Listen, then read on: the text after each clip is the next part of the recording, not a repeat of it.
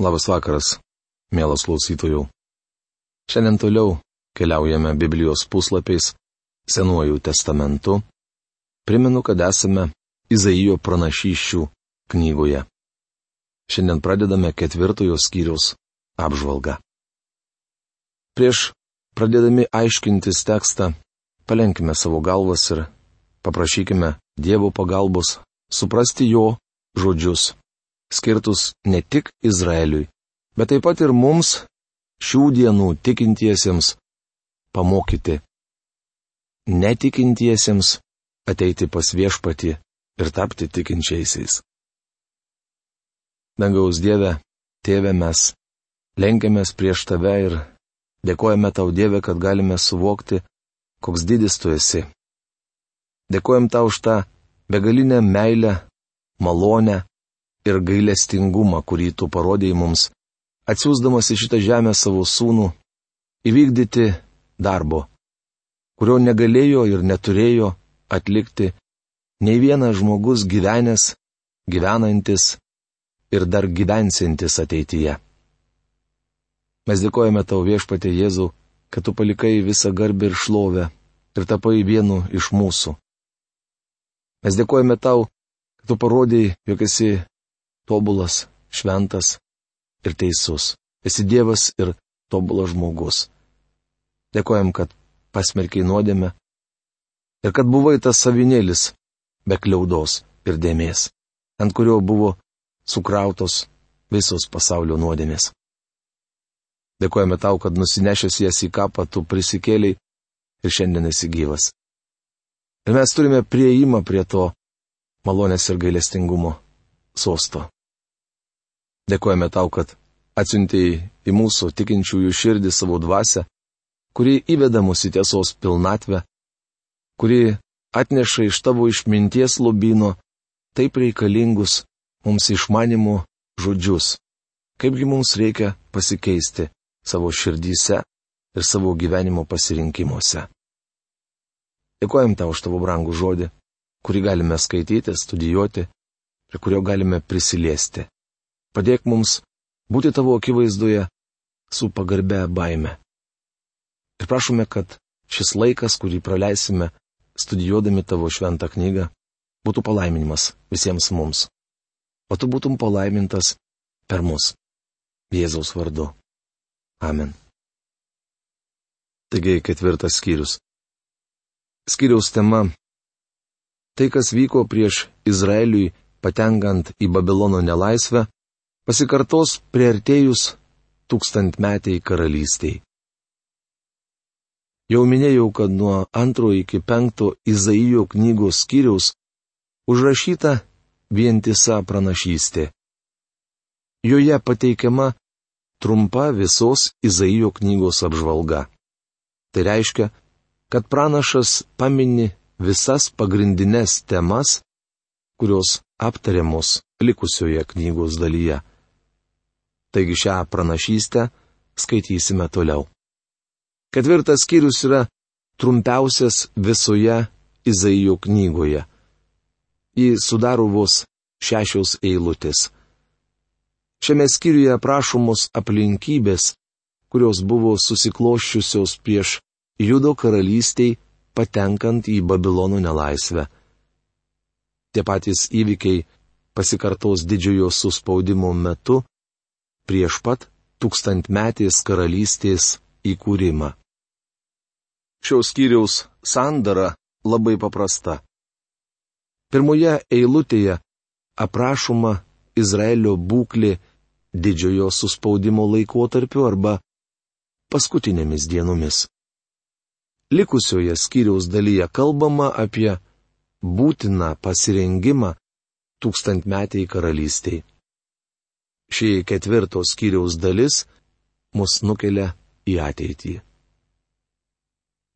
Septynetas moterų nusitvers vieną vyrą tą dieną šaukdamos savo pačių maistą valgysime, savo pačių drabužius dėvėsime, tik leisk mums vadintis tavo vardu. Nuimk nuo mūsų gėdą. Izaijo knygos ketvirtos skyriaus pirmą eilutę. tokios aplinkybės susiklostys dėl siaubingų karo nuostolių. Aukos, kurių ne viename kare neįmanoma išvengti, didžiojo suspaudimo metu bus nepalyginamai didesnis. Kitaip tariant, kadangi vyrų labai sumažės, tomis dienomis septynios moterys bus pasiryžusios dalytis vienu vyru. Jos net pačios užsidirbs pragyvenimui. Tikriausiai vyrai nieko neveiks, tik skaičiuos moterų uždirbtus pinigus. Tai iš tiesų baisi situacija. Ir po antrojo pasaulinio karo, ir po Vietnamo karo Amerikoje iš dalies stigo vyriškos darbo jėgos. Anuomet išgirdęs, jog šalyje moterų gerokai daugiau nei vyrų, juokaudamas sakydavau žmonai, kad ji turi mane labai branginti, nes kito gali ir nerasti. Ta diena viešpaties atžala bus graži ir šlovinga, o krašto vaisius - Izraelio likučių pažyba ir šlovė. Izaijo knygos ketvirtos kiriaus antra eilutė. Ta diena reiškia viešpaties dieną. Ši frazė dažnai kartojama Izaijo ir kitų pranašų knygose. Įvartojama ir Naujajame testamente. Skaitydami Joelio pranašystę apie tą dieną, sužinosime daugiau. Ji kaip ir kiekviena hebrajų diena, prasideda saulėlydžiu. Kaip tamsa keičia šviesa, taip didįjį suspaudimą pakeis tūkstantmetė karalystė. Šioje eilutėje užsimenama ir apie viešpati Jėzų Kristų, nes jis yra atžala. Net 18 hebrajiškų žodžių į lietuvių kalbą verčiama kaip šaka arba atžala. Visi jie apibūdina viešpati Jėzų.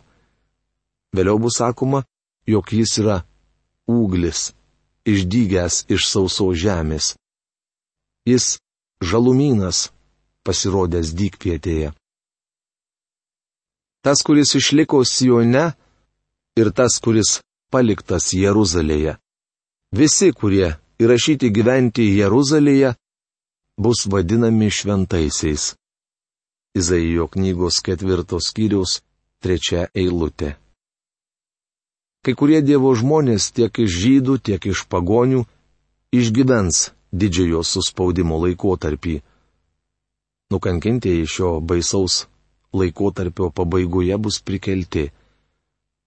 Evangelijos pagal Mata 24 skyriaus 13 eilutėje užrašyti viešpaties Jėzaus žodžiai. Kas ištvers iki galo, bus išgelbėtas. Galbūt tai skamba keistai, tačiau sakydamas iki galo, Jėzus turėjo omenyje didžiojo suspaudimo pabaigą. Tie žmonės buvo iš anksto paženklinti, kad būtų iki galo apsaugoti. Ganytojas pajėgus apsaugoti savasią savis, todėl nei viena iš jų nepražus.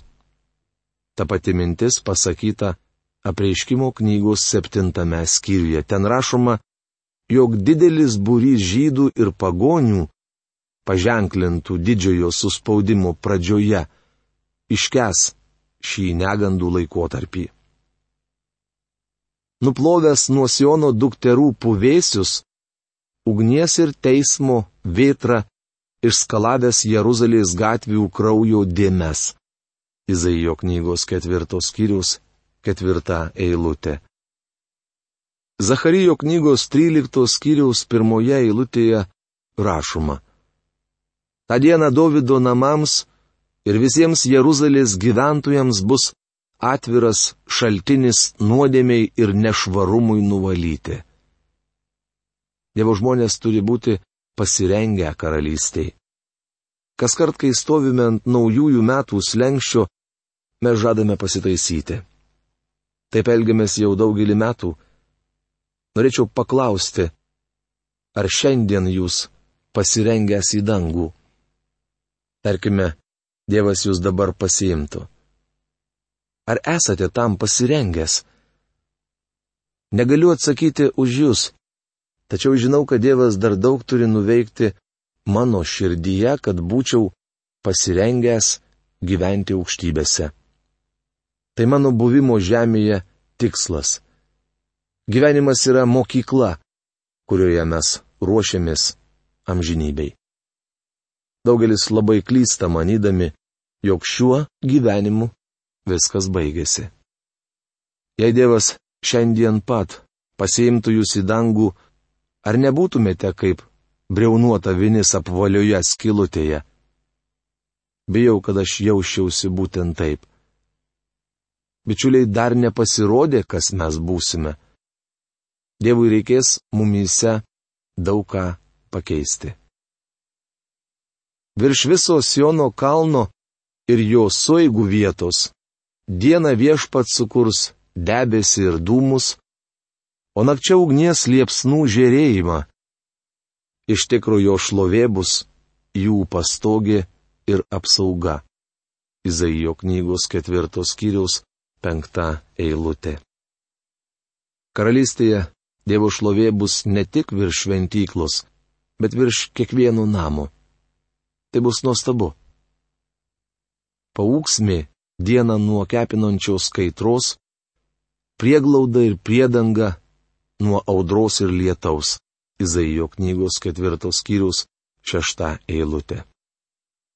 Ta diena Izraelio tauta galų gale bus saugi.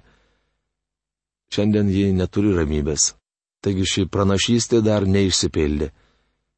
Žydai dar nesugrįžo į savo kraštą ir nesimėgauja ramybę kiekvienas po savo vynmedžių ir figmedžių. Atkreipkite dėmesį, kad taika ir ramybė visuomet ateina po malonės, gailestingumo ir apvalimo. Dėl mūsų bėdų kaltos ne politinės partijos, o sugedusi širdis. Mes kariaujame, nes turime kraujo trokštančias širdis. Žmogus karingas, nes yra nusidėjėlis, nenorintis spręsti savo nuodėmingumo problemos. Kol jo širdis nebus pakeista, karai žemėje nesiliaus. Izaijo knygos penktas skyrius. Tema - Giesmė apie vynuogyną - vargas neteisiesiems. Šios skyriumi baigiama pranašystė, kurios pradžia užrašyta antrame Izaijo knygos skyriuje pirmos septynios penktos skyriaus eilutės - tai giesmė apie vynuogyną. Šioje giesmėje kalbama apie Izraelio tautos nuodėmes ir būsimąją nelaisvę. Toliau išvardyjamos šešios konkrečios nuodėmės, už kurias Dievas baus savo tautą. Už kiekvieną nuodėmę Izraelio laukia skirtingos bausmės. Giesmė apie vynuogyną. Žmonės, galintys skaityti šią giesmę hebrajų kalba, tvirtina, jog tai be jokių abejonių viena iš gražiausių visų laikų giesmių. Niekas jai neprilyksta ir niekas negali jos pranokti. Šios muzikinės simfonijos neįmanoma perteikti jokią kitą kalbą. Tai tikra giesmė, primenanti psalmes. Septintoje šios skyriaus eilutėje paminėtas vynuogynas simbolizuoja Izraelio namus. Kalbant apie Izraelį, šventajame rašte vartojama ir figmedžio metafora.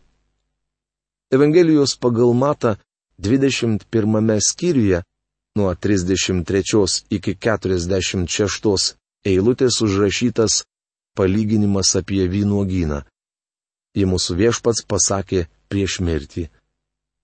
Šis palyginimas buvo taikomas visiems Izraelio namams. Izaijo knygoje pranašas kalba, kad greitai šiaurinė karalystė bus paimta į Asirijos nelaisvę, o pietinę karalystę pavergs Babilonas. Evangelijoje pagal matą viešpats Jėzus Kristus parodo, kad Dievas, sugražindamas Izraelį 70 metų trukusios Babilono nelaisvės buvo davęs antrą galimybę. Atmetusi Dievo sūnų, Izraelio tauta bus išsklaidyta ilgesniam laikui ir jų laukia dar sunkesni išgyvenimai. Kągi, pasiklausykite giesmės apie vynogyną. Te būna man leista sugėdoti savo mylimajam meilės giesmę apie jo vynogyną. Mano mylimasis turėjo vynogyną derlingos kalbos atšlaitėse. Izaijo knygos penktos skyriaus pirmą eilutę. Mano mylimasis tai viešpats Jėzus Kristus. Jis Izraelio mesijas ir pasaulio gelbėtojas. Frazę derlingos kalvos atšlaitėse profesorius Algirdas Jurienas verčia žodžiais ant derlingo kauburio bėda ne dirboje, bet pačiame vynuogyne. Septintoje eilutėje parašyta, jog vynuogynas yra Izraelio namai, dar tiksliau, tai judas, o ne bažnyčia ar dar kas nors. Tai pasakyta labai aiškiai, tad mums nereikia spėlioti. Dievas vėl kviečia mus į teismo salę pasiklausyti jo kaltinimų Izraeliui. Klausydamiesi šių kaltinimų suprantame, jog ir mes esame pasmerkti. Jis išpureno žemę, išrinko akmenis ir apsodino geriausiomis vynogėmis. Viduryje pastatė bokštą sargui ir įrengė jame net vyno spaudyklą. Tikėjosi auginti vynogės, bet prisiaugino rūkštuogių. Izaijo knygos penktos kiriaus antra eilutė. Dievas išvedė Izraelį iš Egipto ir apgyvendino pažadėtoje žemėje. Jis tikėjosi, kad ši tauta neš teisumo vaisių ir šlovins jo vardą, tačiau jį gėdingai nuvylė viešpatį savo dievą. Taigi dabar Jeruzalės gyventojai ir judo vyrai prašau spręsti mano bylą ir mano vynogino. Izaijo knygos penktos skyriaus trečia eilutė. Dievas prašo šių žmonių spręsti jo bylą, įvertinti skirtumą tarp jo ir Izraelio. Bičiuli, negi žinodamas, koks yra jūsų gyvenimas, drįstate reikšti Dievui nepasitenkinimą. Susirgęs vėžiu, verkšlenau ir kaukiau, manydamas, jog viešpats neteisus. Gulėdamas ligoninėje turėjau galimybę apmastyti savo gyvenimo dienas. Bičiuli Dievas nesuklydo, klydau aš ir turėjau tai pripažinti. Mums reikia atsikratyti minties, jog esame kažkokie ypatingi. Dievas niekuomet nesielgia su mumis neteisingai. Klystame mes, o ne jis. Kada reikėjo padaryti mano vynogynui, ko aš jame nepadariau? Kodėl jis prieaugino rūkštuogių, nors aš tikėjausi, kad jis ves vynuogės? Izaijo knygos penktos skyrius ketvirta eilutė. Dievas sako, jog padarė viską, kas nuo jo priklauso, kad Izraelis brandintų teisumo vaisius. Jie neturi kuo pateisinti savo nesėkmės. Dabar jums pasakysiu, ką ketinu daryti savo vynuogynui. Išrausiu gyvatvorę ir jis bus nuniokotas. Nugriausiu sieną ir jis bus ištryptas. Taip, paversiu į dykvietę. Nebebus jis genimas nei purenamas. Apžels arškiečiais ir usnimis. Debesims įsakysiu, kad nelietų ant jo lietaus. Izaijo knygos penktos skyriaus penkta šešta eilutės. Tai pranašystė apie būsimą dviejų karalysčių paėmimą į nelaisvę. Daugiau nei penki šimtus metų Dievas neleido didžiosioms pasaulio tautoms užimti Palestinos krašto, kuris buvo tiltas jungiantis tris žemynus. Jis apjuose Izraelio vaikų sieną ir neleido priešams jų paliesti, nors daug kartų galėjo juos nubausti. Tačiau dabar Dievas sako, nugriausiu jūs saugojusią sieną. Aramėjai, asirai ir babiloniečiai užplūdo ir nuniokojo Izraelio kraštą. Ir nors šiandien visai stengiamasi tą kraštą atgaivinti, jis vis dar ganėtinai tuščias. Jį ištiko Dievo bausmė. Debesims įsakysiu, kad nelietų ant jo lietaus. Daugiau nei tūkstantį metų Izraelio žemės nelaistė ankstyvieji, tai yra rudens, ir vėlyvieji, tai yra pavasario lietus. Štai kodėl tas kraštas šiandien toks tuščias. Tiesa, ankstyvieji lietus jį jau drėkina, bet vėlyvieji dar ne. Galybių viešpaties vynoginas Izraelio namai, o daigai, kuriais jis gerėjosi, vyrai iš judo. Jis laukė teisingumo ir štai kraujo praleimas. Jis laukė teisumo ir štai klyksmas. Izaijo knygos penktos kiriaus septinta eilutė. Mums nereikia spėlioti, apie ką kalba pranašas. Vynoginas simbolizuoja visus Izraelio namus. Tai aiškiai pasakyta šioje eilutėje. Dievas laukia iš vynogino teisingumo ir štai kraujo praleimas. Jis laukia teisumo ir štai klyksmas. Mielas klausytojų, gerai jeigu mes su baime klausome Dievo, ką Jisai padarė su savo išrinkta ir numylėta tauta. Izraeliu. Bet neapsigaukime, kad Dievo bausmės išvengsime mes, darydami nusižengimus ir nesirūpindami pažinti Jo. Mano malda į Jūs, kad Jūs nebūtumėte abejingi savo gyvenimams, bet apsvarstytumėte juos, pamatydami Dievo žodžio šviesoje. Iki greito sustikimo. Sudė.